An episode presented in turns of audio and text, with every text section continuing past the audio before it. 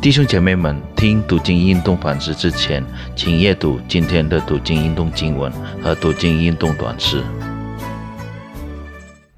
祝你弟兄姐妹们，大家平安，希望在主里常常喜乐。我们今天要一同思想主的话，是有诗篇六十九篇，题目是寻求上帝的帮助。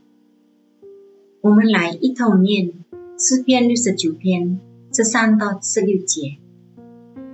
当我在耶那的时候，向你耶和华祈祷，上帝啊，求你按你丰盛的慈爱，凭你拯救的城市引引我，求你搭救我，处理于你，不叫我陷在其中。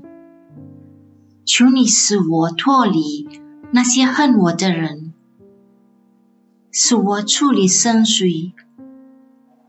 求你不容大水漫过我，不容深渊吞灭我，不容坑坎在我以上河口。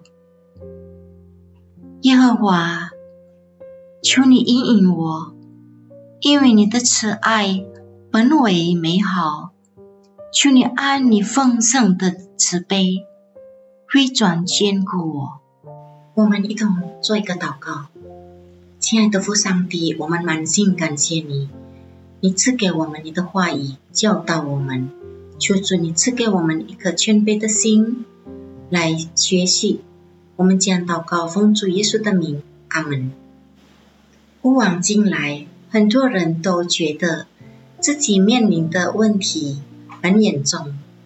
在今天的阅读中，大卫看待他所遇到的问题，就好像他悬在深渊中，一沼水已经淹到颈项了。这样的情况是非常危险的，因你的底面是泥泞，所以没有立脚之地。如果他自己使劲的要从淤泥中出来，他倒会被淹死。为了能够逃脱淤泥，大卫需要有一个站在稳妥地的人，用绳子把他拉出来。淹没在泥泞中，只是形容诗人处在。危险中，就是他无缘无故的被人憎恨、被诽谤，甚至要被杀死。在上述困难情况下，到底有哪些态度可让我们学习和效法的呢？第一，即使自己处在困境中。大卫仍然能为他人的利益着想。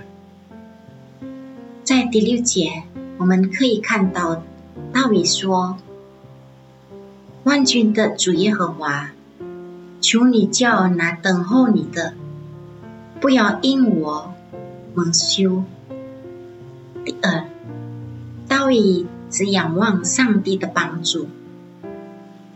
第三。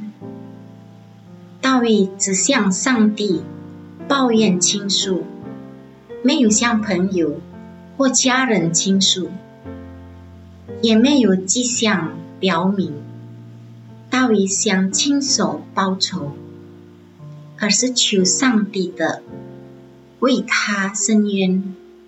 对大卫来说，跟着处罚正在被上帝惩罚的人。也是一种错误的行为，那人也该受处分的。所以对大卫来说，上帝是公义的，他将惩罚犯罪的人。虽然上帝是严厉的主，但是他也是充满慈爱的主，是我们在患难中。随时的帮助是我们的避难所。尽管这首诗篇六十九篇好像一个哀叹之诗，但诗人最终的回应是积极的，就是赞美并且感谢上帝。尊爱弟兄姐妹们，当你处在困苦和危险的境地的时候，你会如何表现呢？你是否单单仰望上帝而已？你有没有养成向上帝哀叹倾诉的习惯？